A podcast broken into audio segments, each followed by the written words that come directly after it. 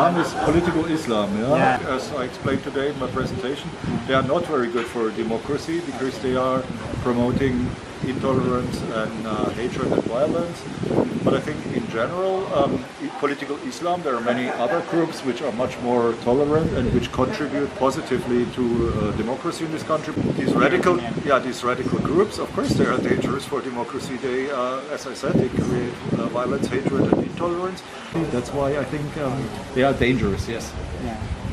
Please make your right decision. Everybody, it's your individual choice. You can think what um, promotes not only your personal interest but the good of the whole country. Yeah, so a party which promoting um, wise policy and uh, let's say good policy for everybody can be an Islamic party, of course. Can be uh, let's say also a nationalist party.